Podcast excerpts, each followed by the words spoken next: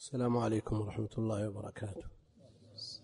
الحمد لله رب العالمين صلى الله وسلم وبارك على عبده ورسوله نبينا محمد وعلى آله وأصحابه أجمعين. أما بعد في هذا اللقاء الذي نسأل الله جل وعلا أن يجعله خالصا لوجهه مقربا إليه وفي هذه الليالي الثلاث إن شاء الله تعالى نشرح في علوم الحديث قسما من كتاب مختصر بل معتصر اسمه النقاية وهو بضم النون كما نص على ذلك مؤلفه في مقدمة شرحه. خلافا لما سطر على صفحة العنوان من مطبوعة دار الكتب العلمية. فقد ضبطوه بكسر النون. وليس بغريب أن يخطئوا في كتاب نص عليه مؤلفه. ضبطوه بكسر النون ومؤلفه يقول هذه نقاية بضم النون أي خلاصة مختارة. هذه نقاية بضم النون أي خلاصة مختارة من عدة علوم. هذا الكتاب على اختصاره وصغر حجمه متضمن للمتن والشرح. فيه الشرح وفيه المتن المجرد ويتضمن أربعة عشر علما. تبدأ بأصول الدين وتنتهي بالتصوف.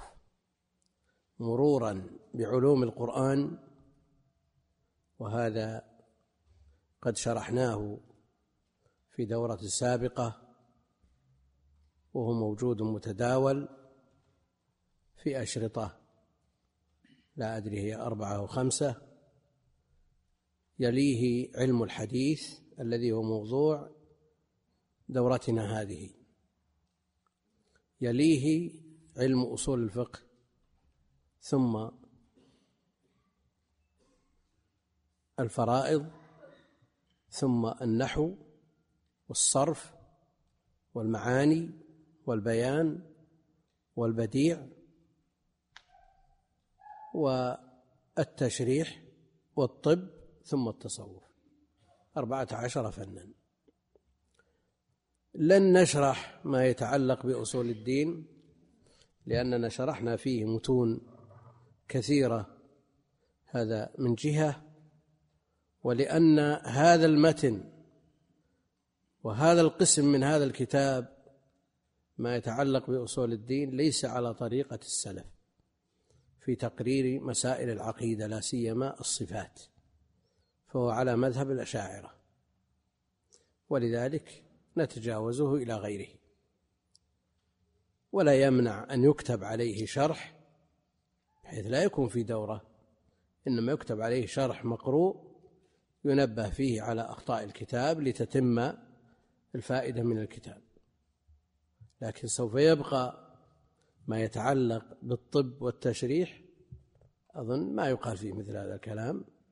إلا إذا زدنا في أو ذكرنا مما يتعلق بمسائل الكتاب في هذين القسمين يعني الطب والتشريح من الأدلة الشرعية ومن كلام أهل العلم والطب النبوي. لا ما لنا دور نتدخل في مسائل طبية أو اللهم إلا مثل ما تدخل السيوطي نفسه. القسم آخر شيء الذي هو التصوف فيه مسائل نافعة وتسميته بالتصوف بناء على أن هذا النوع مما يتعلق بالسلوك وأعمال القلوب لا إشكال في عندهم في تسميته تصوف في عصره وفي بلده وعنده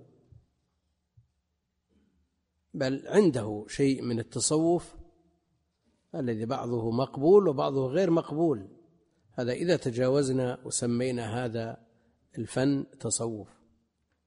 وإلا ما يتعلق بالقلوب باب من أبواب الدين ونفعه عظيم وأكثر من يتعرض له من علماء المسلمين المحققين ابن القيم وابن رجب. وشيخ الإسلام له يد في هذا لكن كأن ما كتبه ابن القيم وابن رجب يعني يدخل إلى القلب بدون استئذان. وأيضا من غير المحققين كتب الغزالي في إحياء علوم الدين مباحث كثيرة تتعلق بهذا الجانب. على كل حال هذه العلوم يعني لو اقتصرنا على عشرة منها التي هي علوم القرآن وقد فرغنا منه وعلم الحديث إن شاء الله نفرغ منه في هذه الدورة لأن كل متن فيه ورقة من هذه المتون. بل علم الحديث في المطبوعة أقل من ورقة.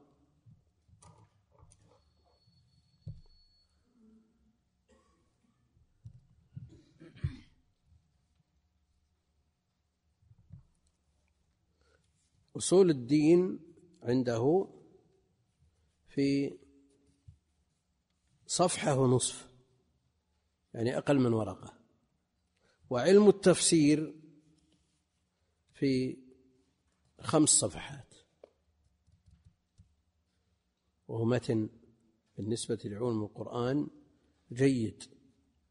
وهو على اختصاره شامل على طريقة المتون. ويعوز في هذا الفن أن تجد متن على طريقة المتون وهو الذي جعلنا نشرحه. ثم شرحنا نظم هذا المتن للزمزمي.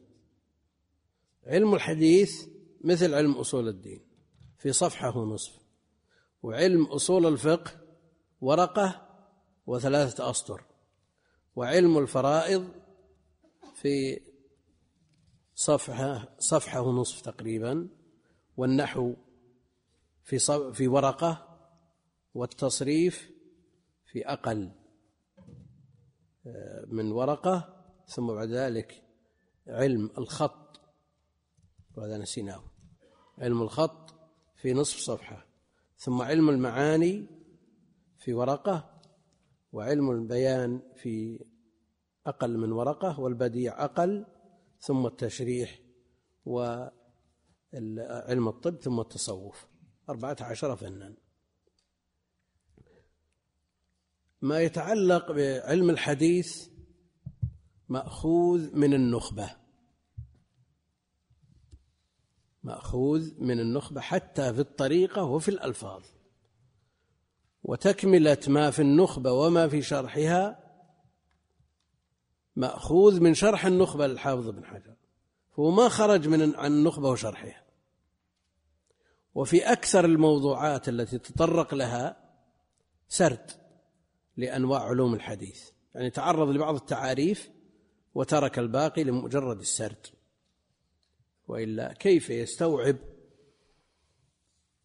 ثمان وثمانين نوع من أنواع علوم الحديث؟ وين اللي على الأرقام لا ما يبذي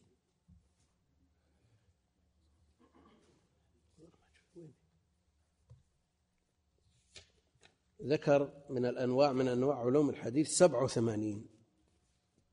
يعني في أقل من ورقة أكثرها يعني مع على طريقة ابن حجر في اللف والنشر ماشي لكن في الأخير أخذ يعد التعداد فقط. من غير تعريف. وهذا الكتاب أعني النقاية مع شرحها إتمام الدراية طبع قديما. سنة ألف وثلاثمائة وتسعة.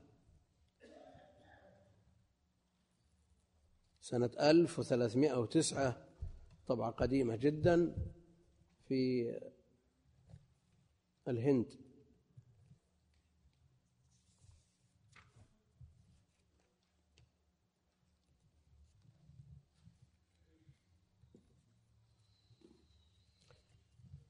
ثم طبع على هامش في حاشية مفتاح العلوم للسكاكي في المطبعة الميمنية سنة 1318 ثم طبع عن هذه الطبعة أكثر من مرة. أخذ طبعات من طبع من الطبعة الميمنية. على نفس الصف وليست بتصوير إنما نقل. ليست بتصوير أكثر من مرة. ثم جاءت الطبعة الأخيرة التي طبعت دار الكتب العلمية لكنها لا يعتمد عليها ولا يعول عليها لكثرة أخطائها. يعني إذا أخطأنا في في صفحة العنوان وهذا الخطأ كثير في طبعات هذه الدار. كثير جدا. يعني تصوروا خطأ في العنوان فماذا يتوقع من في من المضمون؟ يعني إذا طبعوا جزء القراءة خلف الإمام للإمام البخاري. بعنوان جزء القراءة خلف الصلاة. وش تتوقع من من الدقة في مضمون الكتاب؟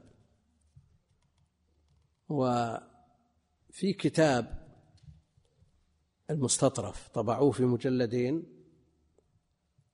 قالوا تحقيق وتعليق فلان. تحقيق وتعليق فلان. التحقيق هذا مفروغ منه إنه ليس في تحقيق والتعليق تصفح الكتاب ما في تعليق. فذهبت إلى جدول الخطأ والصواب قلت لعلهم استدركوا وصححوا. فإذا مذكور في الخطأ والصواب لعلهم يعتذرون ما في تحقيق ولا تعليق. فإذا خطأ تحقيق وتعليق هذا خطأ. والصواب تحقيق وشرح. يعني بدل من تحقيق وتعليق ولا تحقيق ولا تعليق تحقيق وشرح. أنا أبحث عن عن تعليق ما في شيء. واعتذروا عن كلمة تحقيق وتعليق وإلى قولهم تحقيق وشرح.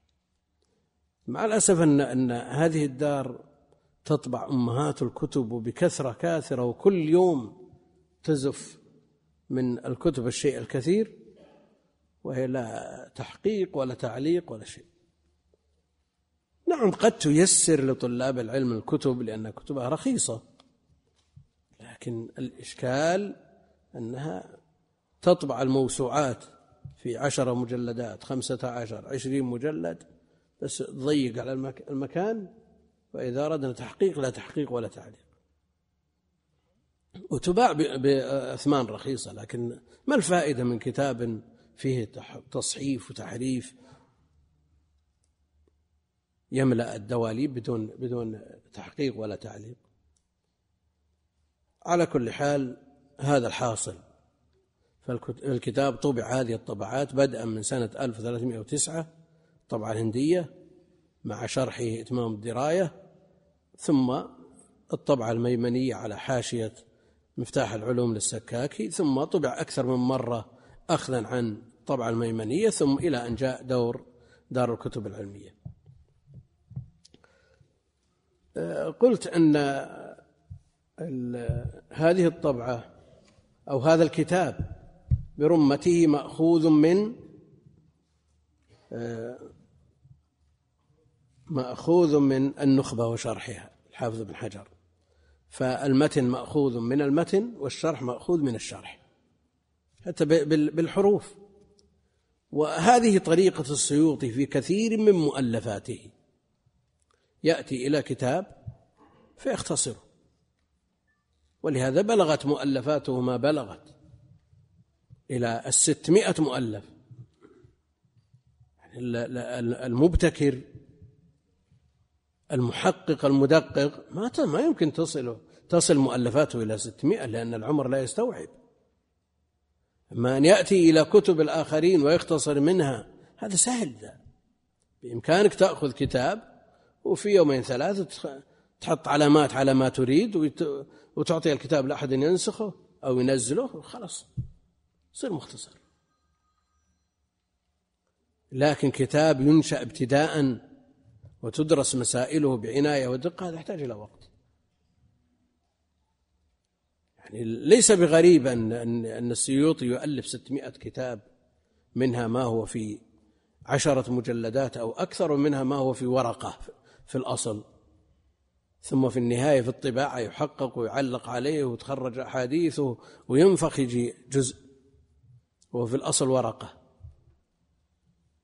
على كل حال هذا الواقع وهذا الحاصل وما دام بدأنا في الكتاب والكتاب يصلح أن يشرح للطلاب لأن فيه فوائد. وإن كان مأخوذ من كتاب آخر وقد تم شرحه مرارا ونظم والنقاية نظمت. قلنا إن علم التفسير نظم منظومة الزمزمي نظم لعلم التفسير من النقاية. وعندي أيضا نظم مخطوط لجميع كتاب النقاية. لكن مع الأسف أني لما أزمعت على السفر بالأمس بحثت عنه فلم أجده قريبا. وإلا فهو عندي مؤكد وقرأت فيه. نظم النقاية.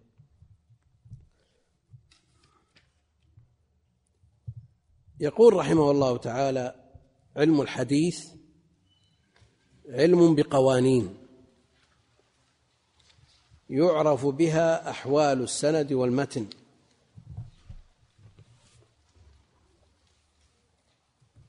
علم الحديث ويقال له علوم الحديث. ويقال أيضا مصطلح الحديث. مصطلح الحديث وعلم الحديث وعلوم الحديث. وهو علم بقوانين يعرف بها أحوال السند والمتن. قوانين وقواعد. من خلال هذه القواعد يعرف أو تعرف أحوال السند والمتن والسند الطريق الموصل إلى المتن. الطريق الموصل إلى المتن. وهو عبارة عن الرجال والرواة الذين يذكرهم المحدث مبتدئا بشيخه منتهيا برسول الله صلى الله عليه وسلم. والمتن هو الألفاظ التي تنقل بهذا السند إلى من عزيت إليه. فإن كان مرفوعا فهو معزو إلى النبي عليه الصلاة والسلام وإن كان موقوفا فهو معزو إلى الصحابي وإن كان مقطوعا فعزوه إلى التابع فمن دونه.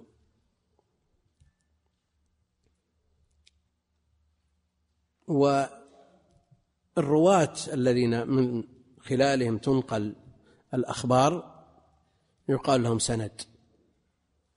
معنى سند يعني معتمد. يعتمد عليه أهل العلم في إثبات الأخبار ونفيها. كما يستند الإنسان على جدار أو عمود أو نحوهما يعني يعتمد عليها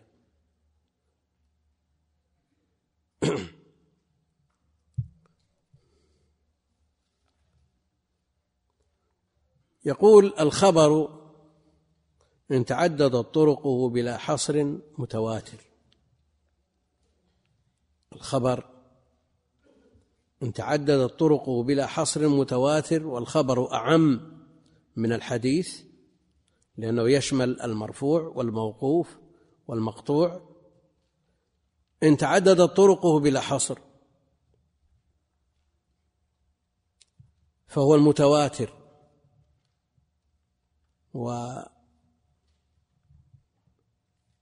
وأمن تواطؤهم على الكذب ووجد هذا التعدد في جميع طبقات الإسناد فهو المتواتر المفيد للعلم اليقيني.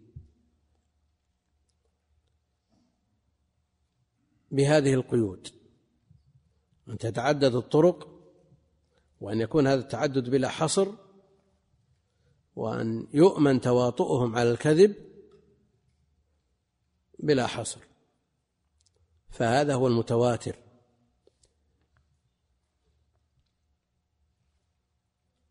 قد يرد خبر من طريق ألف. يضيف أهل العلم في حد المتواتر أن يسند إلى شيء محسوس يعني من مسموع أو مرئي أو ملموس المقصود أنه مدرك بالحواس. لا يصو لا يكون منقول عن غير محسوس بل مظنون مثلا. لو اجتمع مئة شخص فرأوا طائرا ظنوه هدهد مثلا. ظنوه ما عندهم علم يقين أنه هدهد. هل هذا يمكن أن يفيد العلم؟ لا يمكن أن يفيد العلم بل لابد أن يكون بشيء من بطريق محسوس. الإشاعات ولو كثر ناقلوها ما لم تستند إلى شيء محسوس فإنها لا تفيد العلم. عمر بن الخطاب لما دخل المدينة ودخل المسجد وجد, وجد, وجد الناس حول المنبر كلهم يقول أو يقولون النبي عليه الصلاة والسلام طلق نساءه. طلق نساءه. ثم استأذن عمر على النبي عليه الصلاة والسلام وقد اعتزل نساءه وآلى من نسائه شهرا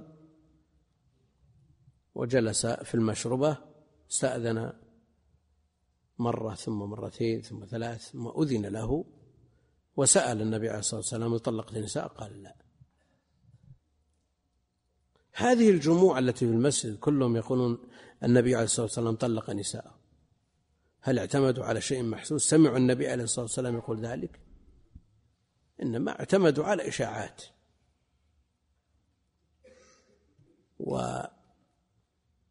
والإشاعات كثرت في الأزمان المتأخرة.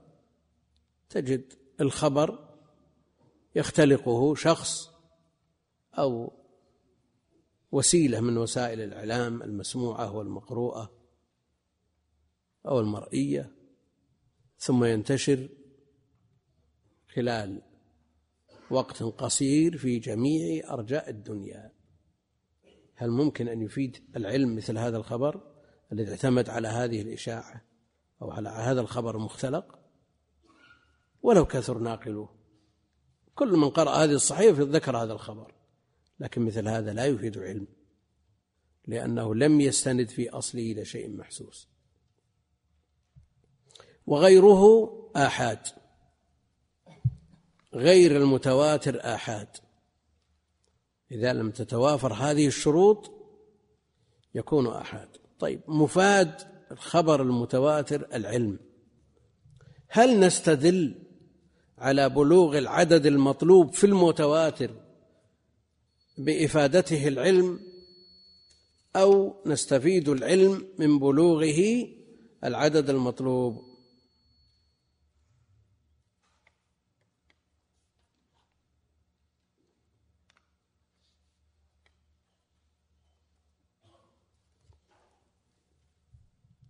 لأن بعضهم يدخل في حده إفادة العلم. وإفادة العلم لا شك أنها نتيجة لتوافر هذه الشروط. وإلا يلزم عليه الدور. يلزم عليه الدور. أنه لا يكتمل العدد إلا بإفادة العلم ولا يفيد العلم إلا إذا اكتمل العدد. نعم العدد يزداد شيئا فشيئا إلى أن تحصل الطمأنينة في القلب كنمو النبات. وتفصيل مثل هذه المسألة بالأمثلة يعوق عن المشي في الكتاب وأنا مقرر أنه ينتهي في هذه الدروس الثلاثة. وغيره أحد يعني غير المتواتر أحد.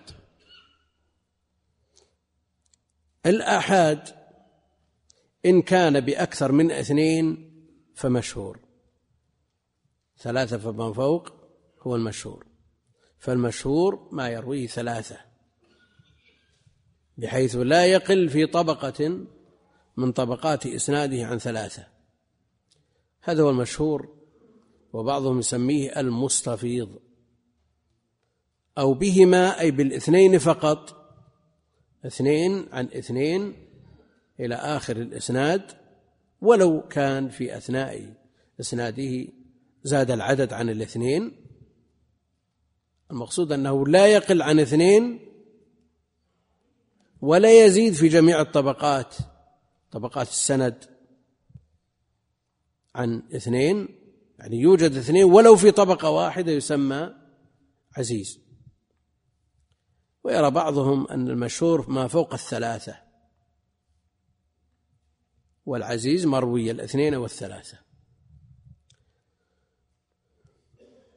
بعضهم يقول إن العزيز غير موجود. نعم إن كان مراده أنه في جميع الطبقات طبقات السند لا يزيد عن اثنين ولا ينقص محتمل. وإن كان المقصود نفي العزيز بالحد الذي ذكره ابن حجر وغيره بحيث لو توفر هذا الشرط ولو في طبقة واحدة فهو موجود عزيز وله أمثلة. أو بهما فعزيز من العزة والقوة لأن الطريق الأول تقوى وتعزز بالطريق الثاني. أو بواحد يعني يروى من طريق راو واحد فهو الغريب. فهو الغريب. ما يروى عن طريق واحد ولو في طبقة واحدة من طبقات السند. ولو زاد العدد في بقية الطبقات. يسمونه غريب. وهو غريب نسبي وغريب مطلق قرابة مطلقة ويكثر إطلاق الفرد عليه. الغريب المطلق ما كانت التفرد في أصل السند والنسبي ما كان في أثنائه يسمونه غريب. وهو يعني الآحاد. مقبول وغيره. المتواتر مقبول. بل يرى أهل العلم أنه ليس من مباحث علوم الحديث بل هو من مباحث أصول الفقه. ولذا تجدون عناية أهل الحديث بالمتواتر قليلة. وقل من يدرجه في أنواع علوم الحديث لأنه يقبل من غير نظر في أسانيده. وصناعة المحدث النظر في الأسانيد. والمتواتر لا يحتاج إلى أن ينظر في إسناده. فهو من اختصاص الأصوليين. وعلى كل حال أدرجه بعض أهل الحديث في مؤلفاته. أما الآحاد من المشهور والعزيز والغريب ففيه المقبول وغير المقبول.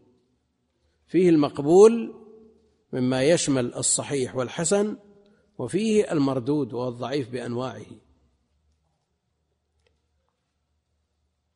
فالأول وهو المقبول إن نقله عدل تام الضبط متصل السند غير معلل ولا شاذ صحيح. هذا المقبول. فالأول إن نقله عدل ممن له ملكة صفة وهيئة ثابتة راسخة تحمله على ملازمة التقوى والمروءة. تام الضبط بأن يضبط ما سمع ويؤديه كما سمعه سواء كان ضبطه في صدره أو في كتابه. متصل السند يعني حال كونه متصل السند. فلا بد من عدالة الرواة وتمام ضبطهم واتصال سنده بأن يكون كل واحد رواه عمن فوقه من الرواة بطريق معتبر من طرق التحمل وأداه إلى من دونه بطريق معتبر من طرق الأداء. متصل السند غير معلل ولا شاذ يعني سالم من العلة. وهي كما بينها أهل العلم أنها سبب خفي غامض يقدح في صحة الحديث الذي ظاهره السلامة منها. غير معلل يعني غير مشتمل على علة وهل الأفصح معلل أو معل أو معلول؟ ذكر ذلك الحافظ العراقي وأن معل أفضل وأما معلول فاستعمال مرذول وإن وجد في كلام أهل العلم. المقصود أنه يقول غير معلل يعني غير مشتمل على علة وهي سبب خفي غامض يقدح في صحة الخبر الذي ظاهره السلامة منه. ولا شاذ إذا توافرت هذه الشروط عدالة الرواة تمام الضبط اتصال السند انتفاء العلة وانتفاء الشذوذ هذا هو الصحيح. ويضاف إليه في الصحيح لغيره وجود الجابر عند الاحتياج إليه. لأن الصحيح عندهم ينقسم إلى قسمين صحيح لذاته ما توفرت فيه هذه الشروط الخمسة وانخف الضبط ونزل إلى درجة الحسن مع بقية الشروط فإنه يكون حسنا فإن تعددت الطرق فهو صحيح لغيره. غير معلل يعني بعلة قادحة لأن بعضهم يشترط في العلة أن تكون قادحة وهل يمكن أن يسمى غير القادح علة؟ لأنهم عندهم ما يمنع من العمل عله. ولو لم تكن قادحة.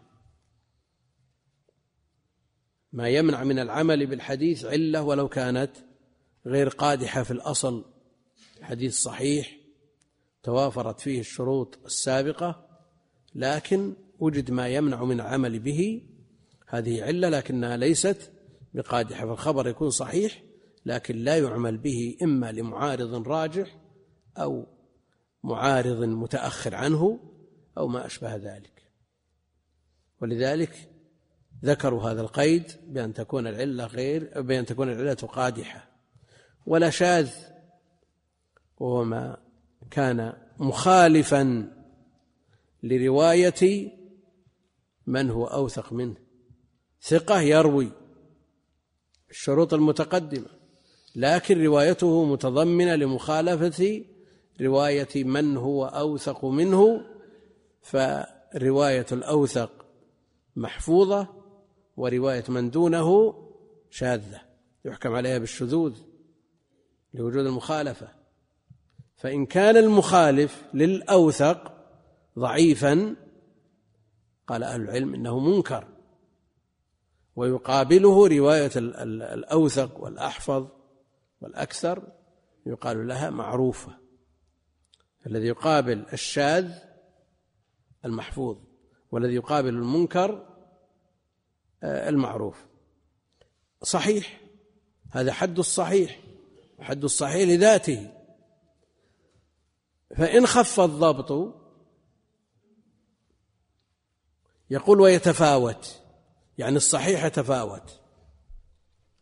توجد هذه الشروط لكن هل نقول أنه إذا وجد إسناد توافرت فيه هذه الشروط ووجد إسناد آخر توافرت هذه الشروط هل نقول ان إن هذا الإسناد مطابق للإسناد الأول مئة بالمئة؟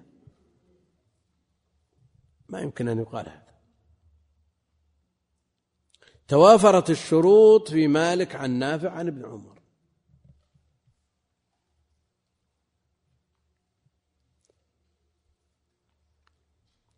وتوافرت الشروط أيضا في الزهري عن سالم عن ابن عمر.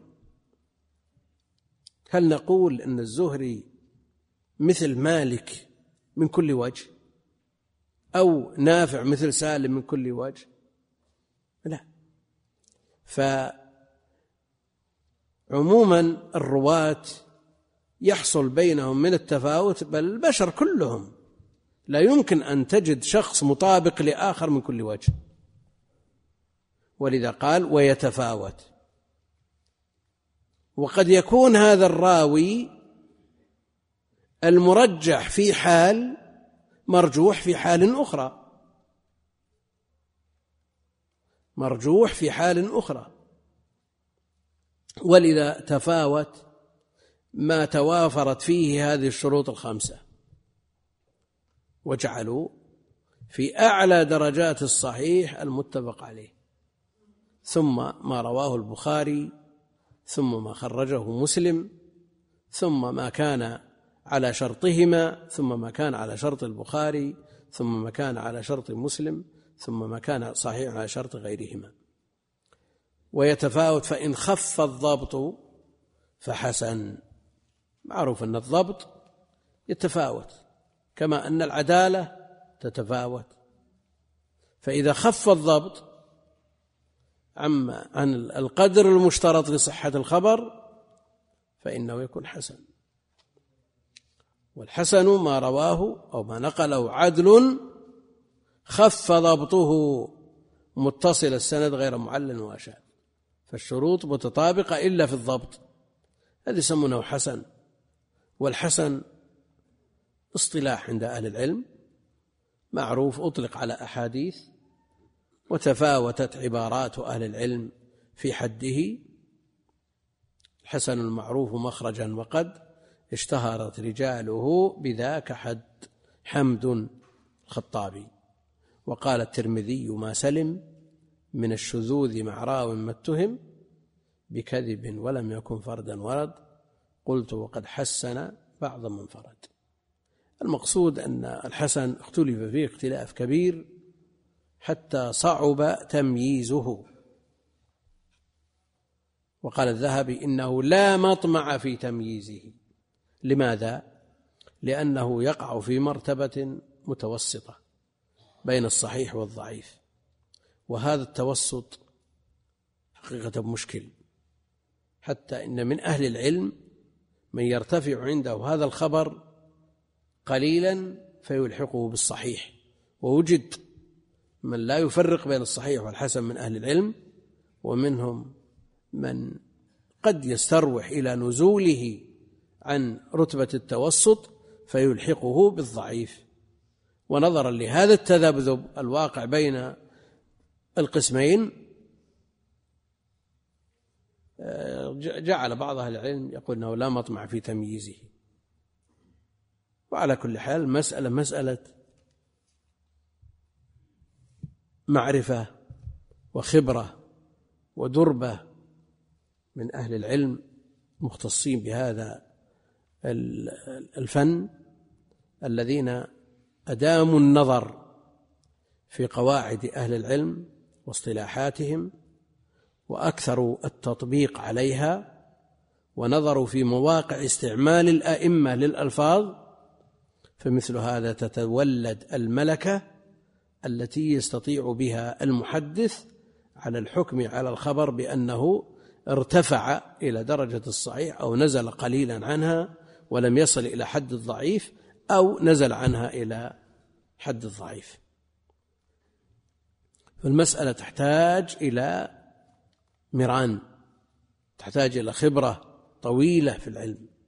أما مبتدئ يأتي إلى الأحاديث حديث حكم عليها أهل العلم بالصحة أو بالضعف ثم يريد أن يتوسط وليست لديه هذه الخبرة ويقول إنها من قبيل الحسن نقول مثل هذا لا يقول به آحاد طلبة العلم إنما هو متروك لمن صارت لديه الأهلية التامة بحيث يحكم على هذه الأخبار بالقرائن هل ترتفع؟ وقد يحكم على خبر بسند أنه وصل إلى الصحيح وأن هؤلاء الرواة ضبطوا هذا المتن.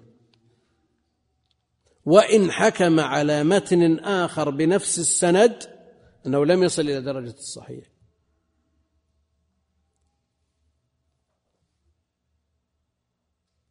وقل مثل هذا في الراوي المفرد. إذا نظرت إلى راو بمفرده قد يحكم عليه بأنه ثقة في موضع وقد يحكم عليه في موضع آخر أنه لا يصل إلى درجة الثقة.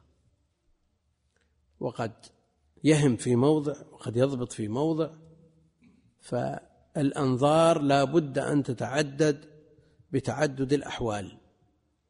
بعض طلاب العلم يرى في أحكام ابن حجر في التقريب وفي فتح الباري وفي التلخيص شيء من الاختلاف على الراوي الواحد. ويقول إن ابن حجر اضطرب. فعبيد الله بن الأخنس قال عنه في فتح الباري ثقة وشذ ابن حبان فقال يخطئ. وفي التقريب قال صدوق قال ابن حبان يخطئ. كيف؟ هذا اختلاف في الحكم واضطراب ولا لا؟ ابن حجر لما حكم عليه في فتح الباري نظر إلى الحديث المخرج في صحيح البخاري. حكم عليه من خلال هذا الحديث.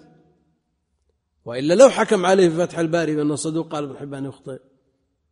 هذا فيه ما في شك فيه تطرق الخلل للصحيح. وقد ضبط هذا الخبر فهو ثقة في هذا الخبر. لكن إذا نظرنا إلى مجموع مروياته وهو اللائق باصطلاحه في التقريب لأنه ينظر إليه من من في العموم في الجملة ما ينظر إليه من خلال متن واحد أو حديث واحد. لكن لو نظرنا إلى مالك في جملته قلنا نجم السنن بلا منازع. لكن إذا نظرنا إلى بعض المتون التي أخطأ فيها. كيف تحكم على مالك؟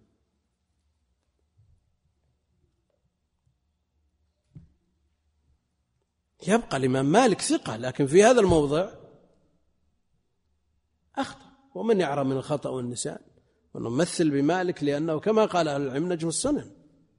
ولا فالمحدثون كلهم بهذه المثابة وما من شخص لا يحفظ له خطأ. ومن يعرى كما قال الإمام أحمد عن الخطأ والنسيان؟ لا يسلم أحد. فتضبط الأخطاء للراوي الواحد كما فعل ابن عدي في الكامل.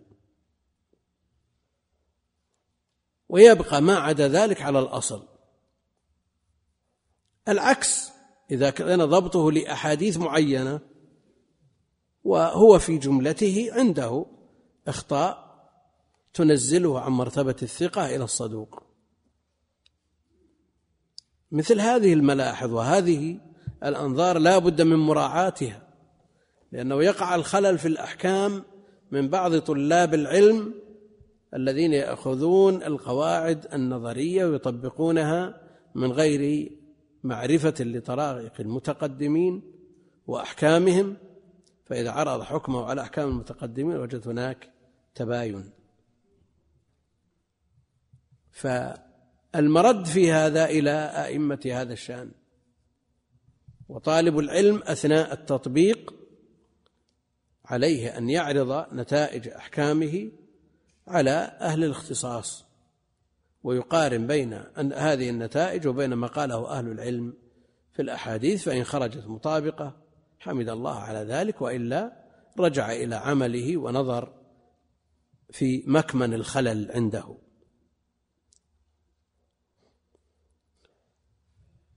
فإن خف الضبط فحسن وزيادة راويهما مقبولة. زيادة راوي الحديث الصحيح الذي هو الثقة تام الضبط العدل تام الضبط لأن الثقة من جمع بين الوصفين العدالة وتمام الضبط. وراوي الحسن الذي خف ضبطه زيادة راوي الصحيح من تم ضبطه وزيادة راوي الحسن وخف ضبطه مقبولة. وبعضهم ينقل الاتفاق على زيادة على قبول زيادة الثقة. وإذا نظرنا في أحكام العلماء المتقدمين لا لا نجدهم يحكمون في مثل هذا الموضع ولا في تعارض الوصل والإرسال ولا الوقف والرفع لا تجدهم يحكمون بأحكام مضطردة. بينما الذي درج عليه المتأخرون قالوا زيادة الثقة مقبولة وإذا تعارض الوصل والإرسال فالحكم لمن وصل لأن معه زيادة علم وإذا تعارض الرفع مع الوقف كذلك.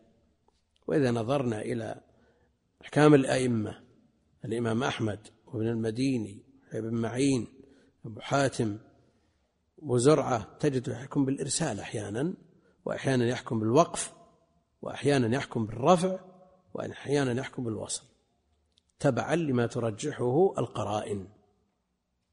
مثلا الإمام البخاري رحمه الله حكم على حديث ابن عمر في رفع اليدين بعد الركعتين بأنه موصول. خرجه في صحيح. الإمام أحمد قال موقوف. هل قال الإمام أحمد الزيادة مقبولة؟ لا ما قال كذا.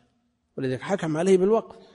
الإمام البخاري حكم على الحديث بأنه مرفوع وقبل هذه الزيادة لأن القرائن دلت على قبولها. والإمام أحمد القرائن دلت عنده على عدم قبوله. البخاري حكم على على حديث لا نكاح إلا بولي بأنه موصول مع أن من أرسله كما قال الحافظ العراقي كالجبل شعبة سفيان أرسلوه. وحكم على أحاديث بالإرسال فيما نقله عنه الإمام الترمذي وغيره المقصود أنه ليست هناك قاعدة مضطرقة مضطردة لا لزيادة الثقة ولا لترجيح الوصل على الإرسال أو العكس ومثلها الرفع والوقف. مع أن الخلاف موجود بين أهل العلم منهم من يقبل مطلقا ومنهم من يرد مطلقا ومنهم من يحكم بالأحفظ ومنهم من يحكم بالأكثر لكن طريقة أهل العلم الأئمة يحكمون على مثل هذه المسائل بما ترجحه القرائن. وزيادة راويهما مقبولة. زيادة هذه لا تخلو إما أن تكون موافقة أو تكون مخالفة أو تكون لا موافقة ولا مخالفة أو قد تكون موافقة من وجه ومخالفة من وجه. فإن كانت موافقة لا إشكال في قبولها. وإن كانت مخالفة نظرنا في الراجح والمرجوح كما في الشاذ والمحفوظ الذي تقدمت الإشارة إليه. وإن كانت لا موافقة ولا مخالفة فإن كان راويها ممن يحتمل تفرده قبلت. وإن كان ممن لا يحتمل تفرده ردت.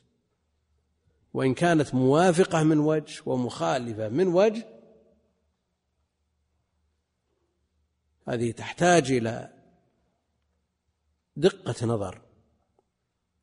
ففي حديث الخصائص جعلت تربتها أو جعلت لنا الأرض مسجدا وطهورا وفي رواية مسلم وجعلت تربتها لنا طهورا. فالتربة فيها موافقة للأرض. وفيها مخالفة. فيها موافقة لأنها جزء من الأرض. تراب جزء أو فرد من أفرادها. وفيها نوع مخالفة. لا سيما عند من يقول أن التربة وصف وليست بفرد. ولذا يختلف أهل العلم في التيمم بغير التراب. الشافعية والحنابلة يقولون لما لا يتيمم إلا بالتراب وغيرهم يقولون يتيمم بغير التراب. لأن هذه الزيادة تربتها إن قلنا إنها من باب العموم والخصوص قلنا ما فيها مخالفة. وإن قلنا إنها من باب التقييد والإطلاق قلنا فيها مخالفة.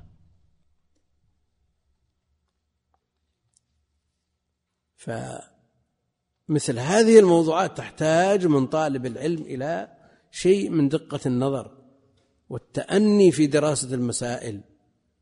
وهذا الحديث بخصوصه تجدون كلام الشراح فيه شيء من الخلط أو بعض الشراح. فتجد في أول الكلام يقول يحمل الخاص على العام وبعضهم يحمل المطلق على المقيد وبعضهم يقول لا, لا يحمل العام على الخاص لأن الذكر الخاص بحكم موافق للحكم العام لا يقتضي التخصيص تجد الخلط في مثل هذه المسائل وسببه عدم الجزم بأن التربة فرد أو وصف.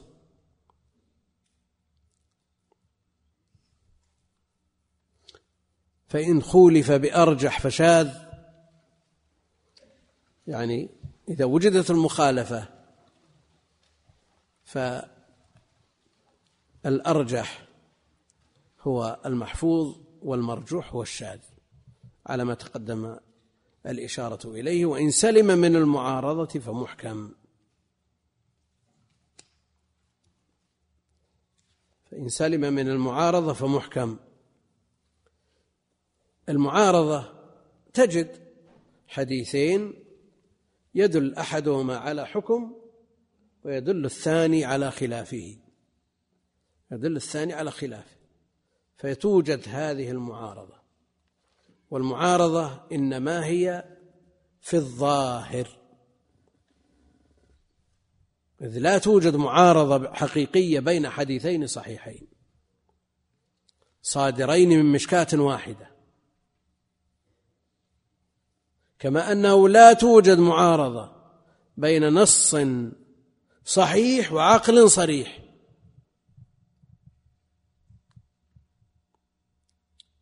هذا النوع من أنواع علوم الحديث. تميز فيه جمع من أهل العلم منهم إمام الأئمة محمد بن إسحاق بن خزيمة حيث يقول لا يوجد حديثان متعارضان فمن وجد شيء من ذلك فليأتني لأوفق بينهما. وتجد بعض العلماء يقرر التعارض وينفي آخر هذا التعارض لأن الله فتح عليه بما يرفع هذا التعارض. والتعارض إنما هو كما قلنا في الظاهر.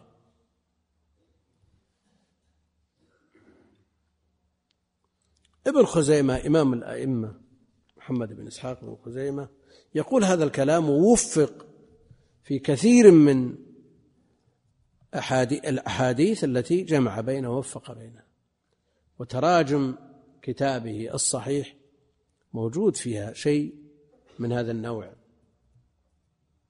لكن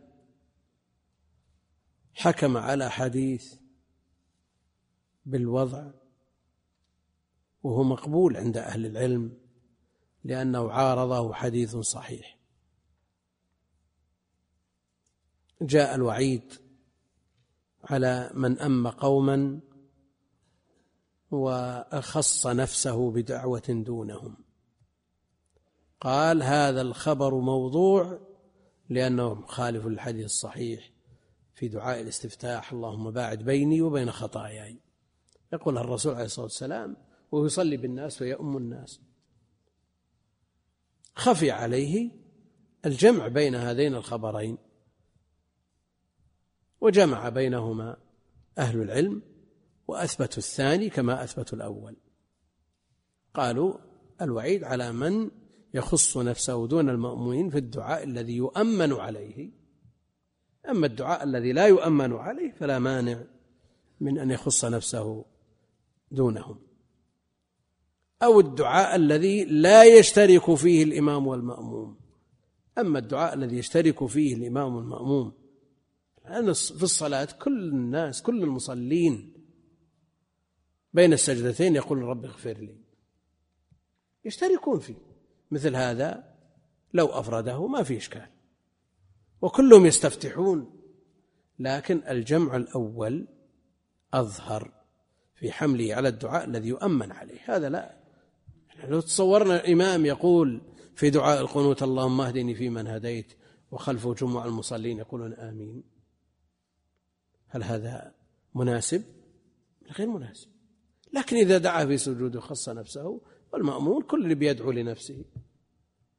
لا إشكال في أن يفرد نفسه بالدعاء. ابن خزيمة رحمة الله عليه حكم على حديث الثاني بالوضع لأنه مخالف للحديث المتفق عليه والجمع ظاهر. فإن خولف بأرجح فشاذ وإن سلم من المعارضة فمحكم. وإلا يعني لا يمكن وإن لا يمكن الجمع. حاول وجاهد أهل العلم في أن يوجدوا طريق للتوفيق بين الحديثين. فعجزوا. ما خلاص استغلقت السبل والطرق للتوفيق بين النصين. وأمكن وإلا وإن سلم من المعارضة فمحكم. وإلا يسلم من المعارضة إن سلم من المعارضة ما في معارض له هذا المحكم. وإلا يسلم من المعارضة وأمكن الجمع فمختلف الحديث. إذا أمكن الجمع فمختلف الحديث. وصنف فيه الإمام الشافعي على خلاف بين أهل العلم هل هو مصنف مستقل اختلاف الحديث أو باب من أبواب الأم ولا يضير ذلك. أيضا ألف فيه ابن قتيبة مختلف الحديث وفيه مصنفات. فمختلف الحديث وإلا يمكن الجمع وعرف الآخر يعني عرف المتقدم من المتأخر فناسخ ومنسوخ فالمتقدم منسوخ والمتأخر ناسخ. فالناسخ هو المتأخر.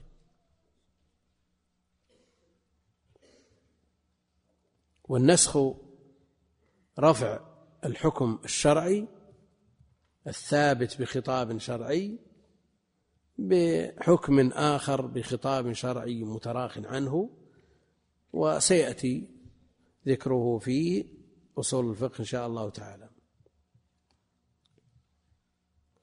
وإلا وعرف الناس وعرف الآخر فناسخ ومنسوخ ثم يرجح أو يوقف. يعني إذ لم يعرف المتقدم من المتأخر ولم يمكن الجمع يرجح بينهما. ووجوه الترجيح بين النصوص ذكر الحازمي منها في مقدمة الاعتبار خمسين وجها وأوصلها الحافظ العراقي إلى مئة وجه.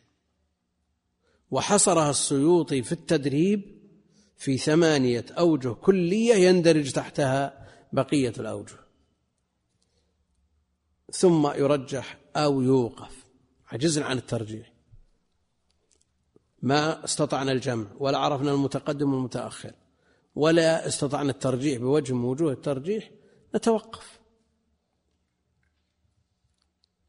لأن الترجيح بغير مرجح اعتداء. اعتداء على النصوص وافتيات. هذا فيما يتعلق بالشرع. وبعضهم يطرد ذلك حتى في الأمور العادية. يقول ما في أحد بيفعل شيء إلا وقد رجحه. ما في إلا وقت وقد رجح عنده. شيخ الإسلام يمثل لهذا بالبداءة بأحد الرغيفين وسلوك أحد الطريقين.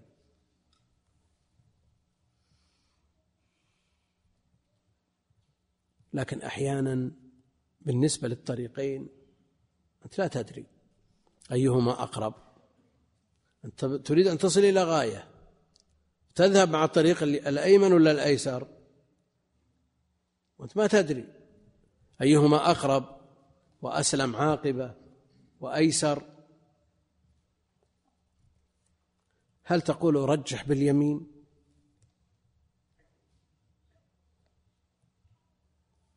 أو كيفما اتفق؟ هل نقول هذا ترجيح بغير مرجح؟ لو سلكت الشمال مثلا. طريق الايسر على يدك اليسار الشمال. هل نقول بدون مرجح؟ احتمال إذا كان الإنسان دخل بلدة لا يعرفها وأراد أن يخرج منها. ووقف الطريق وسد الطريق إما تروح يمين ولا يسار؟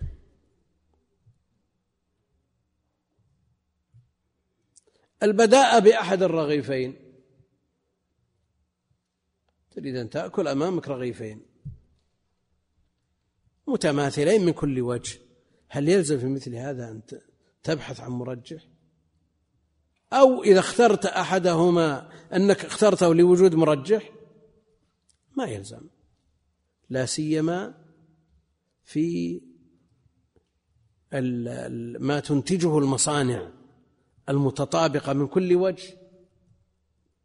أول يمكن الأعمال اليدوية تجد هذا أفضل من هذا فتبدأ به احتمالك أنك احتمال أنك تشبع قبل أن تحتاج إلى الثاني.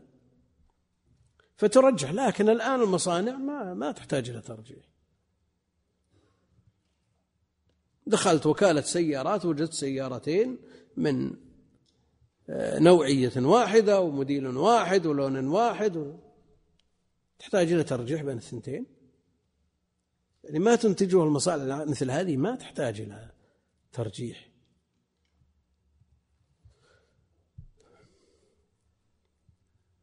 ثم يرجح أو يوقف. خلاص ما عندك لا جمع ولا عرفت متقدم ولا متأخر ولا عندك أي مرجح لهذا على هذا. دورك التوقف حتى تجد مرجح.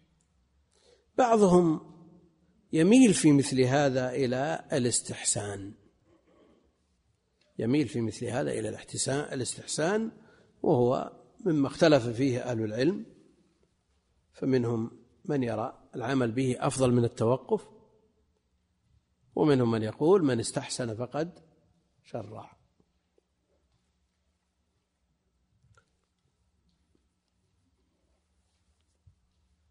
والفرد الذي تقدم من أنواع أو من أقسام الآحاد الفرد الذي هو الغريب وأكثر ما يطلق الفرد على المطلق والغريب على النسبي.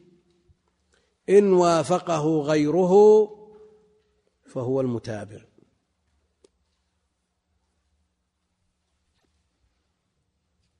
كيف يكون فرد ويوافقه غيره؟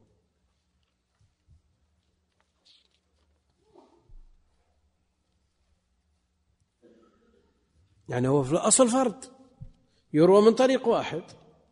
تحكم عليه باعتبار الأصل بأنه فرد. ثم بعد بعد البحث والاعتبار والنظر في الطرق وجدت ما يوافقه. هل يستمر وصفه بكونه فرد؟ أو هو فرد باعتبار ما كان قبل وجود الموافق والفرد إن وافقه غيره فهو المتابع. أو متن يشبهه فالشاهد. إن وافقه غيره فهو المتابع أو متن يشبهه فالشاهد. فهو مشى على النظر في ألفاظ المتن. فإن كان بلفظه فهو المتابع وإن كان بمعناه فهو الشاهد. وهذا اصطلاح عند أهل العلم. والقول الثاني وهو اصطلاح المتأخرين ومشوا عليه المتابع ما كان عن صحابي الطريق الأول والشاهد ما كان عن طريق صحابي آخر. الشاهد ما كان عن طريق صحابي آخر.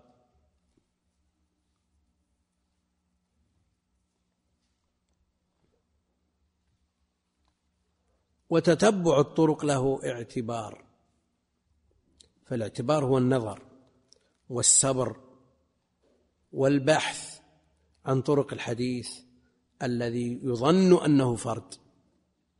فإذا بحثت في طرق الخبر في الدواوين ووجدت ما يروى في معناه أو في لفظه عن صحابيه أو عن غيره هذا البحث وهذا الصبر يسمونه اعتبار. وليس قسيما للمتابع والشاهد كما يفهم من تراجم أهل العلم في كتب المصطلح الاعتبار أو المتابع والشاهد والاعتبار أو الاعتبار والشاهد والمتابع.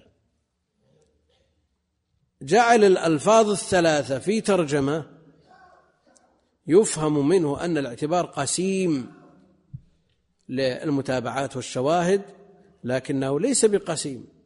هما قسمان المتابعات والشواهد والاعتبار السبر والبحث. الاعتبار صبرك الحديث هل شارك راو أو راويه فيما فيما نقل؟ إلى آخر ما قال الحافظ العراقي رحمه الله.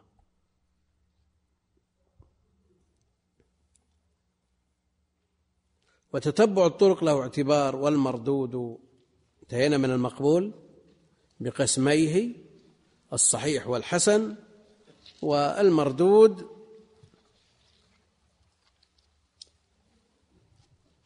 المقبول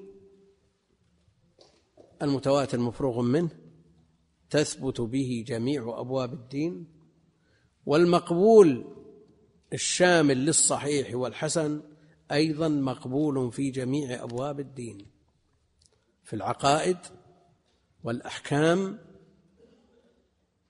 وغيرها من أبواب الدين باتفاق جميع من يعتد بقوله. وإن نازع بعضهم في الحسن لغيره في عدم قبوله في الأحكام. وبعضهم ينازع في الحسن مطلقا. وعلى كل حال قول عامة أهل العلم أن الصحيح والحسن يحتج به في جميع أبواب الدين.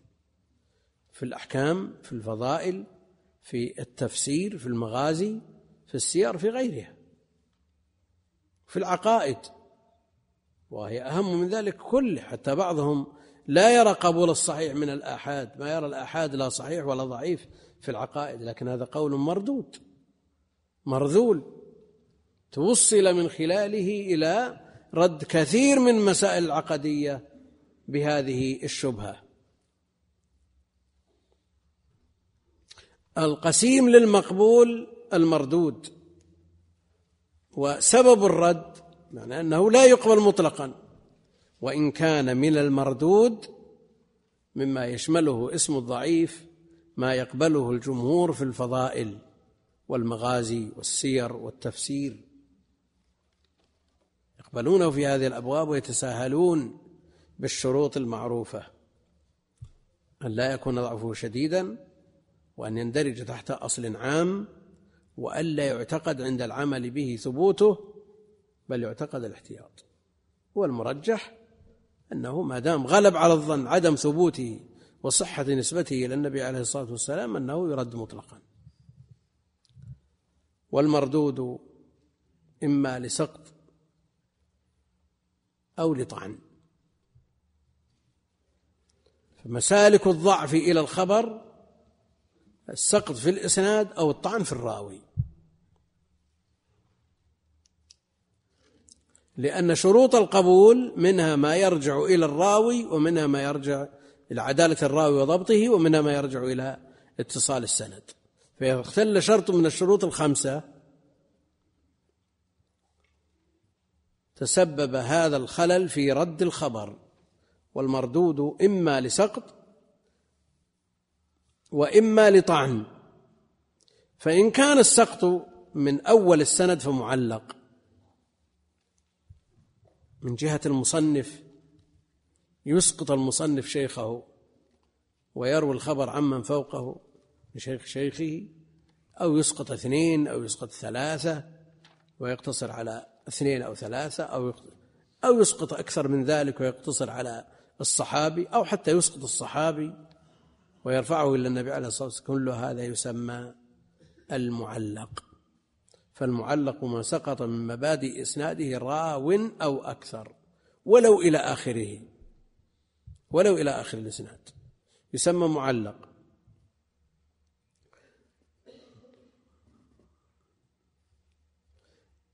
فإن كان من أول السند فمعلق. المعلق يقول أهل العلم الصلاح وغيرهم مأخوذ إما من تعليق الجدار وإما من تعليق الطلاق.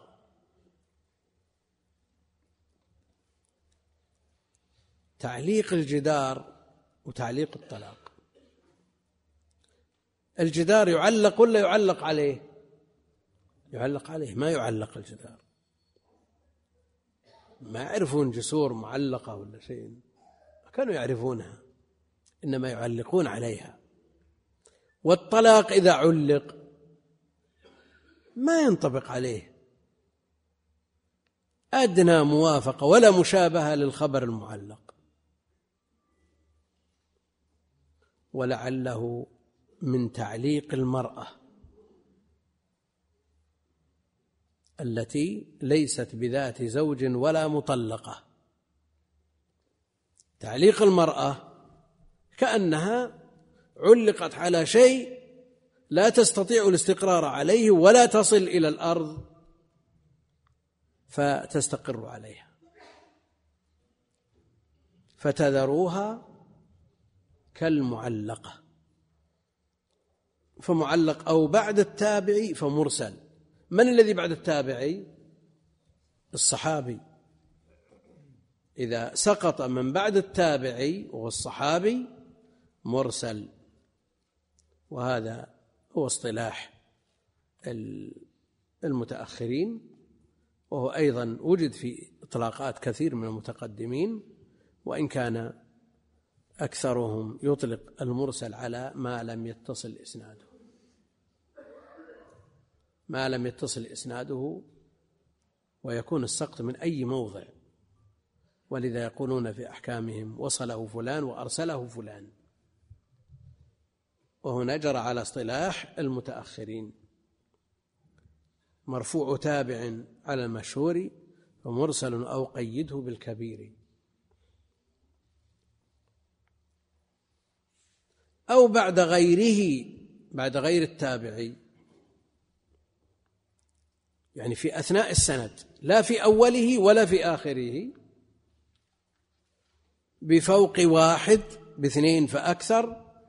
ولا أن يعني مع التوالي فمعضل.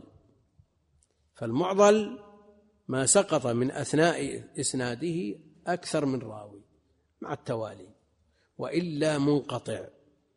يعني إذا استبعدنا المعلق والمرسل والمعضل يعني ما سقط من أثنائه واحد أو أكثر من واحد في أكثر من موضع بحيث لا يكون على التوالي هذا يسمونه منقطع.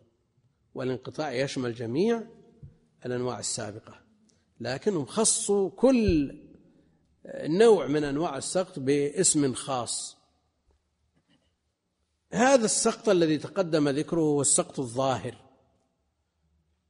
وهناك سقط خفي حيث لا يدركه أحد المتعلمين. السقط السابق يدركه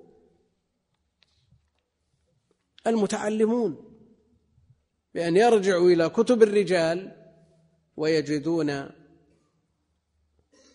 الإسناد فيه خلل.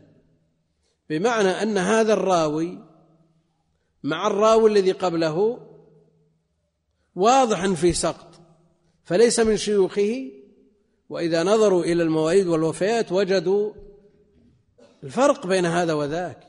إذا وجدوا الراوي الأعلى توفي سنة مئة. والراوي الذي دونه الذي ينسب إليه الرواية ممن دونه ولد سنة مئة وعشرة مثلا. سقط ظاهر وكل يعرفه كل يعرف مثل هذا السقط لكن الإشكال في السقط الخفي. الذي يشمل يشمل المدلس والمرسل الخفي. قال فإن خفي فمدلس. خفي السقط فمدلس لا يدركه كثير من المتعلمين. المدلس يتبين ويتميز بذكر صور وأحوال الراوي عمن يروي عنه. فالراوي إذا روى عمن لم يدركه أو روى عمن أدركه ولم يلقه أو روى عمن لقيه ولم يسمع منه أو روى عمن سمع منه ما لم يسمعه منه فالصور أربع. إذا روى الراوي عمن لا يدرك عمن لم يدركه. هل يسمى مدلس؟ بصيغة موهمة. قال عن فلان. ونظرنا في التواريخ إلى بينهم مفازة. هذا لا يسمى مدلس عند عامة أهل العلم. وإن ذكر ابن عبد البر عن بعضهم أنه أدرجه في المدلس لإيهام الصيغة. التي عنه. لكن عامة العلم على أنه لا يدخل مدلس لأنه سقط ظاهر. إذا روى الراوي عمن أدركه من حيث السن هذا ولد سنة ثمانين وذاك مات سنة مئة.